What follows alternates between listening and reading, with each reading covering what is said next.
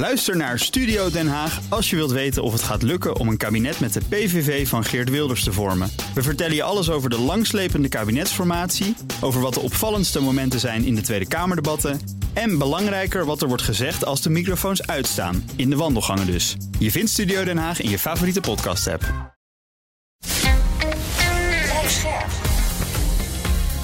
BNR Nieuwsradio. Boekenstein en de Wijk. Hugo Reitsma. Welkom bij Boekenstein en de Wijk. Het is dinsdag, dag 623, 43 van de oorlog in Oekraïne. Dag 53 van de oorlog tussen Israël en Hamas. En we hebben het ook over, denk ik, de rol van de Amerikanen vandaag, die dat allemaal maar weer moeten proberen te managen. ja, ja. ja. Weet je, zijn... overstretch is het woord, uh, Hugo. Ja. Imperial overstretch. Dat ja, is Imperial overstretch, ja. Er zijn steeds meer mensen in de Amerikaanse regering, maar ook experts die daar dus op wijzen. En je moet eventjes zo zien van, Oekraïne was natuurlijk al een grote afleiding, want eigenlijk wilde Amerika onder Obama al de pivot to de Indo-Pacific maken, hè, dus naar China, want dat was het echte probleem. En nu komt daar nog eens bovenop natuurlijk het Midden-Oosten. En nu zeggen mensen van ja, maar jongens, dit is te veel. Hè? En het idee van overstretch is dat je zo dun gespreid raakt over zoveel gebied dat je niet meer sterk genoeg bent. Nou, je, uh, eigenlijk spring je verder dan je polstok uh, lang is. Ja. Uh, dus zelfs een supermacht heeft maar beperkte economische en militaire middelen. Dus nou ja, als zeg maar um, Amerika op drie fronten tegelijkertijd moet vechten, in Europa, Oekraïne uh, een escalerend conflict in het Midden-Oosten, dan zijn er geen middelen meer over, althans niet in voldoende mate, om ook nog een keer in, uh, uh, in Azië iets te kunnen doen als het fout gaat rond bijvoorbeeld Taiwan of de Zuid-Chinese Zee. En dat is ja. Je hebt gewoon de middelen niet meer. En er is een fantastisch boek geschreven, al heel, heel lang geleden, in 1987. Paul Kennedy, hè, The Rise and Fall of Great Empires of iets dergelijks, hoe heet het ook weer? of the Great Powers. Of, the Great, Powers. Powers. Een fantastisch boek. En die heeft dat punt eigenlijk gemaakt van uh, als supermachten, grootmachten komen aan een eind. Ja, als ze langer proberen te springen dan hun polstok uh, lang uh, is. dat geldt voor de, de Gouden Eeuw in Nederland, die je tegenwoordig geen Gouden Eeuw meer mag noemen, maar die het feitelijk wel was voor mm Nederland. dat geldt voor het Verenigd Koninkrijk en dat zou nu ook kunnen gelden voor de Verenigde Staten. Vandaar dus die theorie, die klopt nog steeds. Nou ja, en die discussie loopt ook uh, nog steeds in Amerika. Maken veel mensen zich terecht zorgen hierover. En dat die overstretch toch weer het geval zou kunnen zijn. Ja, en er worden ook echt eh, harde uitspraken gedaan. Hè? Van mensen die daar dus bang voor zijn, vinden eigenlijk dat Amerika gewoon te veel troepen heeft in het Midden-Oosten. Hm. Uh, we weten dus ook dat het nu zijn er dus 1200 additionele troepen, maar er zitten er al 45.000 man zitten er al. Hè? Er zitten er eigenlijk nog best veel, hè? Die zitten in, ja. nog steeds in Irak en in Syrië. Ja, ja en ook uh, natuurlijk Qatar is een grote basis. Hè? Dus daar zitten er veel.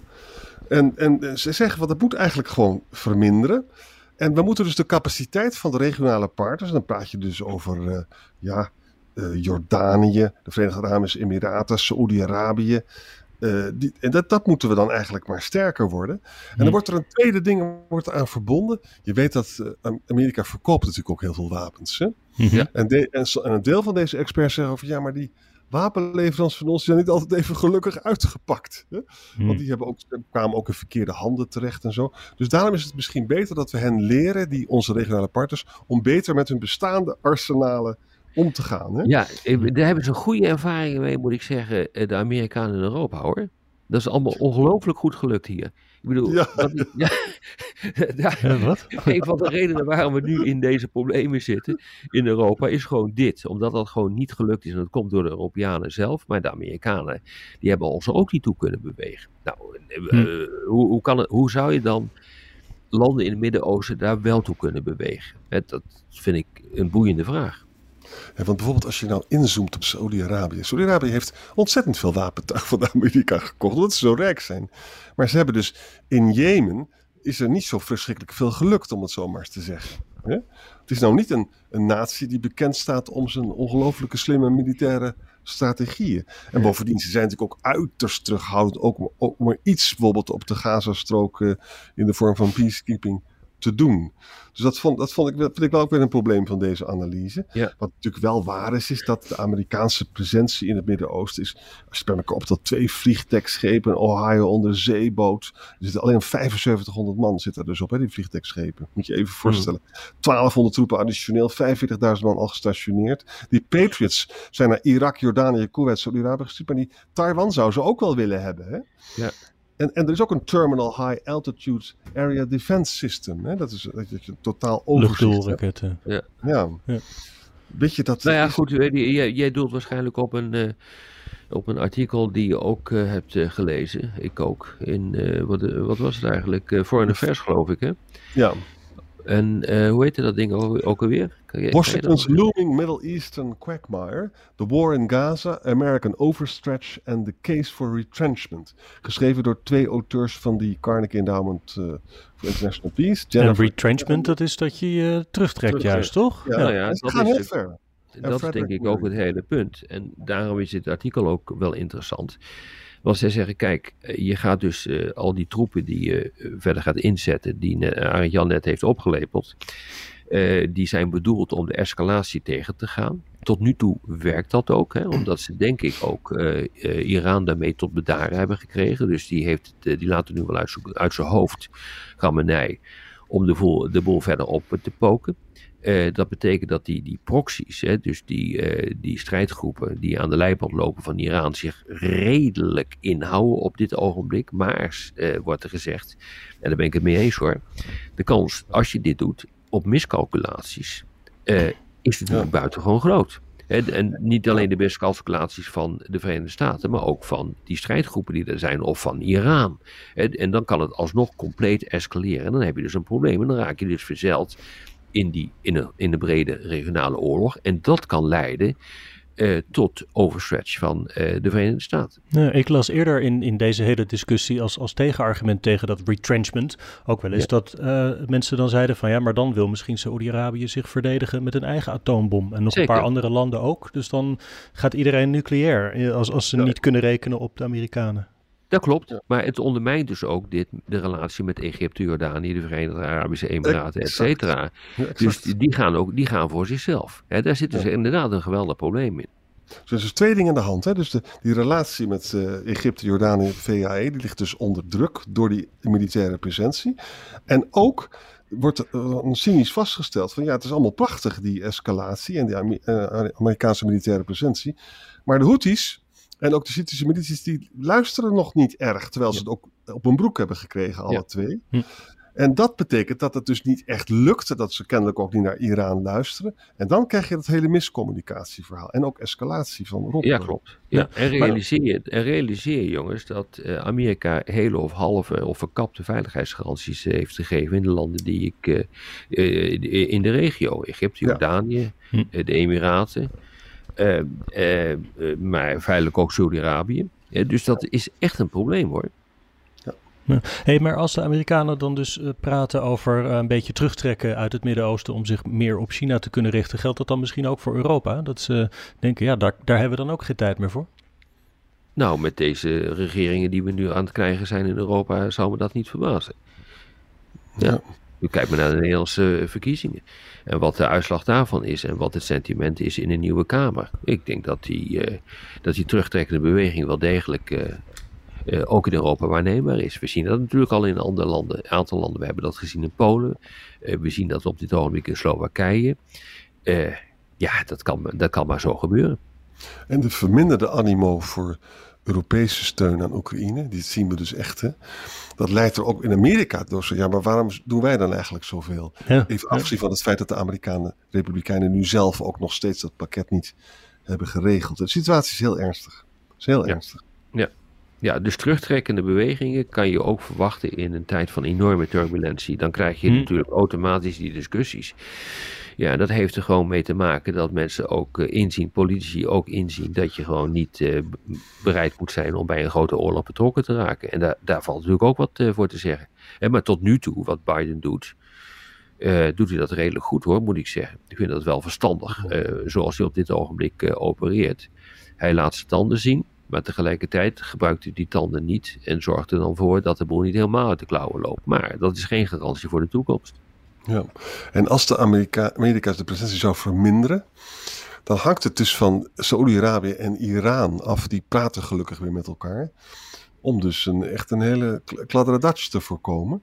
Maar goed, daarvoor had Saoedi-Arabië nog extra militaire steun van de Amerikanen nodig. Hè? Dat was een onderdeel van de, van de package deal.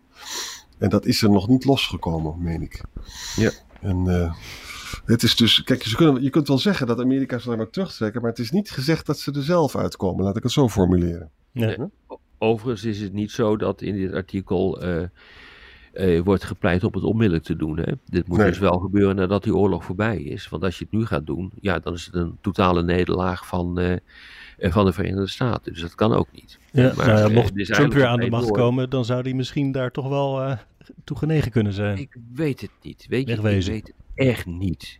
Stel je voor dat Trump aan de macht komt. Nou, gisteren hebben we van uh, Jan gehoord uh, dat die kans uh, iets minder is geworden. Hm, Althans, door een aantal experts. Dan hoop ik niet dat dat experts zijn van hetzelfde kaliber in, die in Nederland de verkiezingsuitslagen proberen te voorspellen.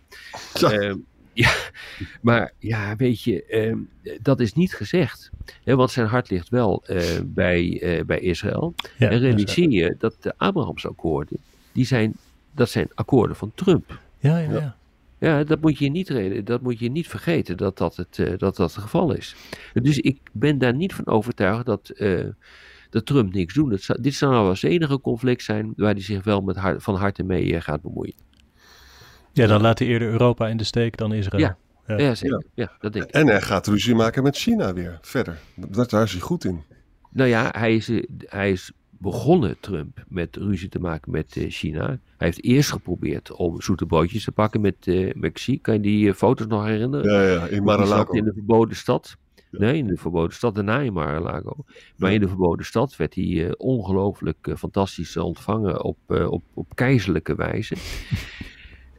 Dat heeft allemaal tot niks geleid. Gewoon niks is er uh, gebeurd. Uh, en, het, en, vervolgens is hij dus begonnen met de handelsoorlog in de richting van, van China. Ja. Maar de echte handelsoorlog is door Biden gestart. Niet ja, dat is waar. Dat is waar. Jongens, wat een wereld is het weer. Huh? Ja, maar goed, we moeten er wel proberen uit te komen. Uh, dus wat vinden we nou eigenlijk uh, van dit hele idee om uiteindelijk uh, je maar als Amerika te gaan terugtrekken uit het Midden-Oosten en het zoveel mogelijk aan de regio zelf over te laten? Dat, dat, dat, want dat is natuurlijk gewoon de hamvraag. Ja, ik zou dat, dat zou ik dus niet durven. Wat je wel zou kunnen zeggen, dat bepleit dat artikel ook van focus je op een aantal militaire bases. Bahrein, Jordanië, Verenigde Arabische Emiraten. Dan zou dus Qatar minder belangrijk worden. Dan zou dus de presentie in Irak en Syrië ook minder worden.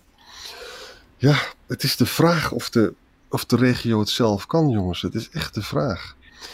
Uh, en, uh, ja, het, ja ik, denk het, ik denk het niet. Ik denk het niet. Ik denk dat ze de speelbal uh, zullen gaan worden van, um, van landen als China en Rusland. Die dus zeer assertief op dit ogenblik bezig zijn. Iraners toe hebben getrokken. Uh, eigenlijk partijen hebben gekozen in het conflict tegen Amerika. Met als doel, en dan komen we weer terug bij het begin van de discussie. Om ervoor te zorgen dat Amerika uiteindelijk getroffen wordt door die overstretch. Ik zou, als ik Rusland uh, en China was, als ik Poetin en Xi was, zou ik ook achterover gaan hangen. Eens even kijken wat daar gebeurt. En ik zou uh, Amerika de kolen uit de vuur laten halen. Ik zou allerlei mooie woorden spreken over vrede in het Midden-Oosten, wat ze ook allebei doen, Xi en Poetin. En vervolgens zou ik niks doen. Gewoon geen enkele actie ondernemen om te kijken of uh, hierdoor Amerika bijvoorbeeld onderuit zou kunnen gaan. Dus hier staat ontzettend veel op spel voor de Amerikanen. Het gekke is ook, China die leunt inderdaad achteruit. Hè? China koopt heel veel olie in Iran, maar ook in Irak, noem maar op. Amerika niet. Amerika heeft dus energie autarkisch. Dat betekent dus dat eigenlijk is het zo dat Amerika ook die Persische golf veilig houdt, ook voor China. En dat betekent dus dat als het ware die uitputting van Amerika gaat ook door de free ridership van China in die Persische golf. En dan weet ik wel dat Amerika dat niet kan opgeven. Dat is een ongelofelijke hotspot en dat moet je dus ook beheersen. Maar het zou toch ook wel leuk zijn als de Chinezen ook een beetje zouden meebetalen voor orde daar. Ja, dat gaat niet ja. gebeuren. Dat dit wordt... Ik denk dat, dat ze echt proberen uh, uh, of, of ze op deze manier indirect Amerika kunnen verzwakken. Want die moet hier zoveel diplomatieke en militaire ja, middelen in stoppen. Dat dat misschien althans, dat gaat niet gebeuren, denk ik. Maar dat dat in de ogen van Rusland en China wel eens in hun voordeel zou kunnen zijn. Hm. Die olie wordt ook wel gezien als een, een, een manier om, om China een beetje in de tang te houden. Hè? Want die moet, dus, die moet heel veel olie importeren. Dat moet dan uit de Perzische Golf komen en dat moet nog door de straat van Malakka. En de Amerikanen zouden dat allemaal zo kunnen afsluiten. Oh ja, dus maar dat is ook de grote angst van China. Oh, absoluut. En dat is niet alleen, uh, ja, dat moet door de straat van Malakka, maar het moet ook uit, uh, uh, uit de Persische Golf uh, worden gehaald. nou ja, hoe je het ook allemaal zou willen doen. Nee, het is inderdaad een probleem. En het is een nachtmerrie voor, voor China. En als je de Chinese literatuur een beetje volgt, althans datgene wat vertaald wordt, dan wordt dat ook als zodanig gezien. Dan zitten ze geloof ik na een maand zitten ze zonder olie en dan kan je ook niet meer vechten natuurlijk. Dat, Zeker, ja. ja. En daardoorheen speelt dan nog dat Amerika wil nu samen met de G20 en met India dan zeg maar een alternatieve zijderoute bedenken. En infrastructurele uh, projecten. Als alternatief voor die Chinese, wat vroeger nee, dat doet, uh, de Europese Unie doet daar, dat is Global Gateway.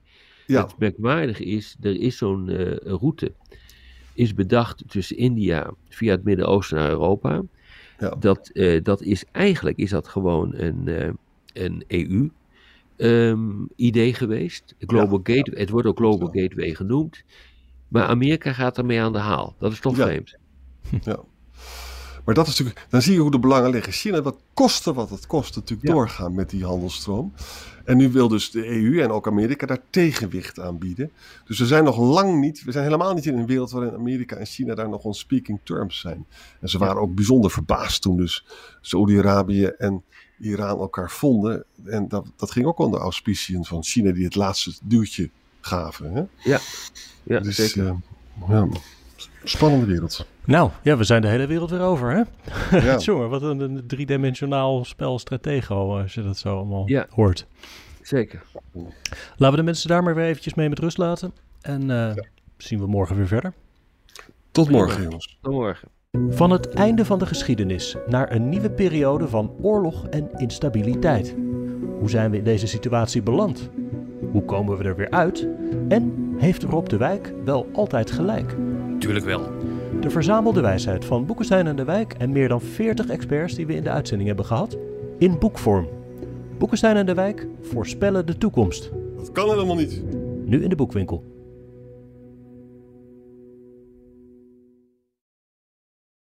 Ook Harm Edens vind je in de BNR-app. Je kunt BNR Duurzaam niet alleen live luisteren in de app, maar ook terugluisteren als podcast, zoals al onze podcasts.